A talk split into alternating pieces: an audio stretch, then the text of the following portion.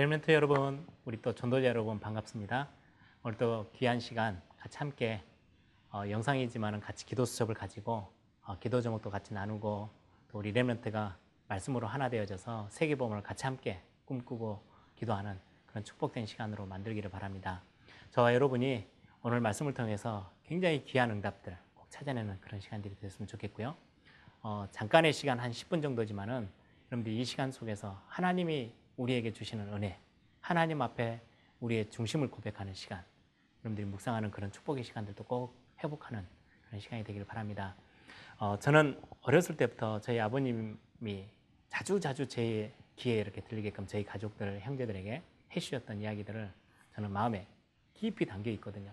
그게 제가 잘하든 못하든 그렇게 살든 못 살든 부모님이 말씀으로 저희들을 권면하고 말씀으로 저희들에게 어, 메시지를 던져줬다는 건 굉장히 큰 축복이라고 생각해요. 예전엔 잘 몰랐는데 제가 복음 안에 들어와서 하나하나 하나님이 하시는 일들을 보면서 부모의 기도가 담겨져 있고 부모의 영적인 유산이 담겨져 있는 그런 어, 고백들과 말씀들은 굉장히 가치 있고 굉장히 영향력이 있다는 것들을 알게 됐습니다.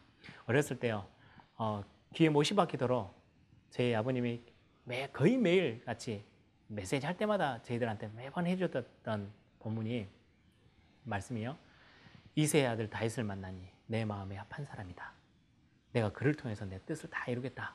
이 말씀을 계속하면서 우리가 작은 일을 해도 괜찮다. 사람들이 알아주는 일 아니고 인정받는 일, 칭찬받는 일이 아니고 대단히 큰 일이 아니더라도 아주 조그만한 일, 저 구석에서 아무도 알아주지 않는 곳에서 한다 할지라도 이게 하나님이 보실 때 가장 귀한 일이고 하나님이 원하시는 일이라면 내 마음에 합한 사람이다.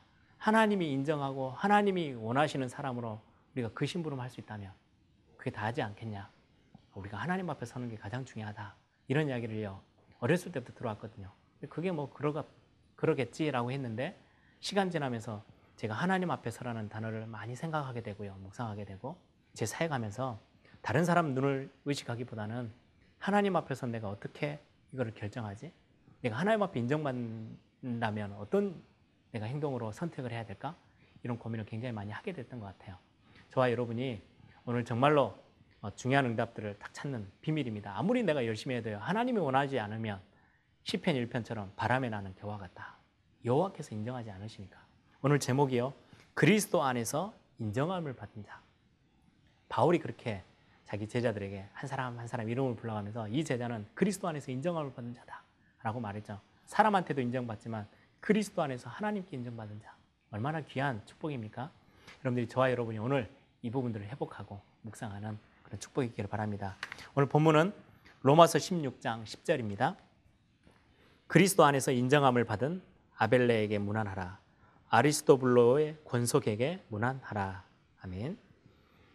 서론입니다. 앞으로 남은 우리의 생애 많이 남은 분도 있고 적게 남은 분도 있겠지만은 우리의 남은 생애가 응답을 받고 하나님께 쓰임 받으려면 우리가 사람 앞에 인정받는 것도 굉장히 중요하지만 눈에 보이지 않지만 전능자 하나님이 우리를 사용하신다면 그리스도 안에서 인정함을 받아야 합니다. 굉장히 중요한 짧은 한 구절이지만 굉장히 의미 있고 많은 생각과 기도를 담아야 할 어, 서론입니다. 그때 일어나는 일입니다. 첫 번째 예측 못할 일이 생겨요. 하나님께서 인정하시고 응답하시면 우리에게는 예측하지 못하는 일이 벌어지게 됩니다. 어떤 일들입니까? 노예로 갔어요. 요셉이란 사람이. 그런데 그가 애굽의 최고의 자리, 총리가 되을 거라고 누가 그걸 예측할 수 있었겠습니까? 이것은 하나님께 인정받은 사람이 받은 축복입니다. 80이 넘은 노인 모세가 애굽을 뒤집을 것이라고 아무도 예상하지 못했고요.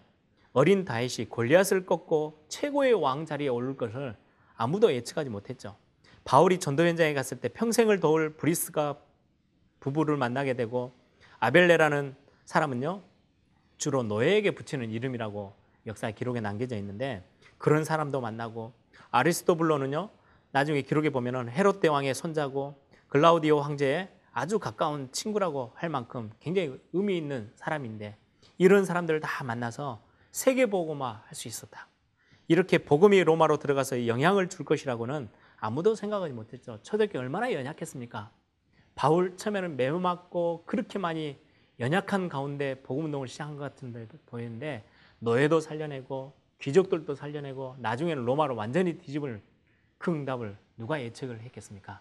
이게요. 하나님 앞에 쓰임 받는 저와 여러분이 된다면 세계 보면 능히 가능하다는 말이 되겠죠. 두 번째입니다.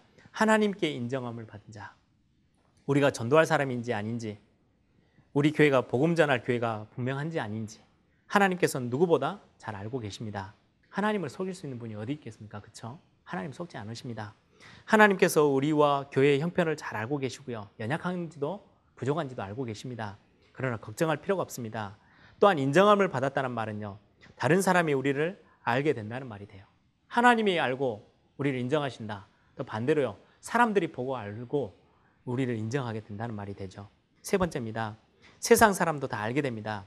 하나님께 인정함을 받게 되면 세상 사람들도 다 알게 되죠. 불신자가 모르는 것처럼 보여도 어느 교회에 가야 되는지, 또 어떤 교단에 정말로 내가 힘을 얻을 수 있는지, 어떤 종교를 선택해야 되는지 갈급해지는 영혼들은 다 알게 됩니다. 그것 따라 가게 되겠죠. 지금 현장에는 갈급한 영혼들이 기다리고 있습니다. 이들을 찾아서 응답을 전달하고 하나님의 역사 전달한다면 하나님의 역사가 일어나죠. 진정으로 전도한다면 불신자들도 알게 됩니다. 지금 영적 문제에 시달리는 사람에게 답을 준다면 당사자는 물론 세상 사람들도 알게 됩니다. 여러분, 하나님께 인정함을 받는 자 얼마나 귀한 부분입니까? 우리가 그럼 하나님께 어떻게 해야 인정을 받습니까? 열심히 살고 교회 봉사 충성하고 금식하고 기도하고 성령 충만 달라고 기도하고 하나님 인정하는 부분이라고 생각하십니까? 예전에 우리 많은 교단과 교회들이 그렇게 열심히 신앙생활 했잖아요. 여러분들이 정말로 아침 하루 열심히 노력 안 해도 됩니다. 아침을 딱 눈을 떠서 오늘 내가 하루를 살아가면서 전도를 준비하는 기도를 시작하고요. 여러분들이 스케줄을 쭉 정리해 놓고 이 속에서 여러분들이 중요한 하나님의 말씀을 쳐다보고 그 안에서 기도를 회복하고 전도를 놓고 생각하고 고민하고 하루를 그렇게 시작해서 하루를 진행한다면 하나님을 보실 때는 가장 중요해요. 세상에는 지금 복음 듣지 못해서요. 그렇게 갈급한 영혼들, 죽어가는 영혼들이 너무 많은데 여기에 관심을 가지고 같이 함께 마음을 둔다면 그거는 하나님이 보실 때 가장 귀한 일입니다. 하나님께 인정함을 받는 자. 그리스도 안에서 인정함을 받는 자. 여러분들이 하나님이 보시기에 합한 사람, 꼭 그런 응답을 받는 우리 렘런트, 우리 전도자들이 바랍니다. 특히 저는 렘런트들에게 부탁해요. 사람 눈에도 우리도 사람 눈을 의식하고 살아야 됩니다. 상식선에서. 그러나 인본주의 속에 깊이 빠지지 마라. 하나님이 원하시면 하나님께 인정받으면 되는 거 아니냐라고 가르치고 싶어요. 어, 저도 또 그렇게 그런 삶을 살고 싶고 저와 여러분이 오늘 귀한 응답들을 꼭 회복하는 그런 축복이 있기를 바랍니다. 여러분들 오늘 하루 그리스도 안에서 또 인정함을 받는다. 이 단어를 놓고 좀 여러분들이 깊이 묵상을 꼭 했으면 좋겠습니다. 오늘 포럼의 주제입니다. 실력을 쌓는 것보다 더 중요한 것은 하나님께 나의 비전과 나의 믿음을 인정받는 것입니다. 그렇다면 하나님께 인정받을 나의 비전과 나의 믿음 어떻게 내가 결단하고 준비하면 되는지 여러분들 오늘 하루 한번 생각하고 적어보기도 하고 기도로 여러분들이 하루를 진행해 나가기를 바랍니다. 기도하겠습니다.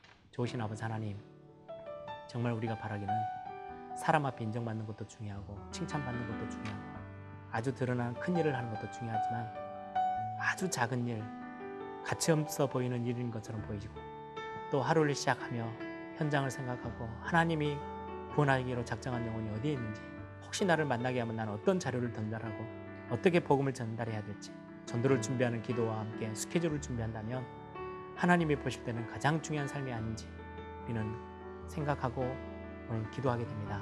하나님 전도자의 삶을 시작하는 귀한 하루가 되게 하시고 하루를 정말로 살아가면서 하나님의 인정함을 받는 귀한 축복의 우리의 삶이 되도록 우리의 마음과 생각을 지켜 주옵소서.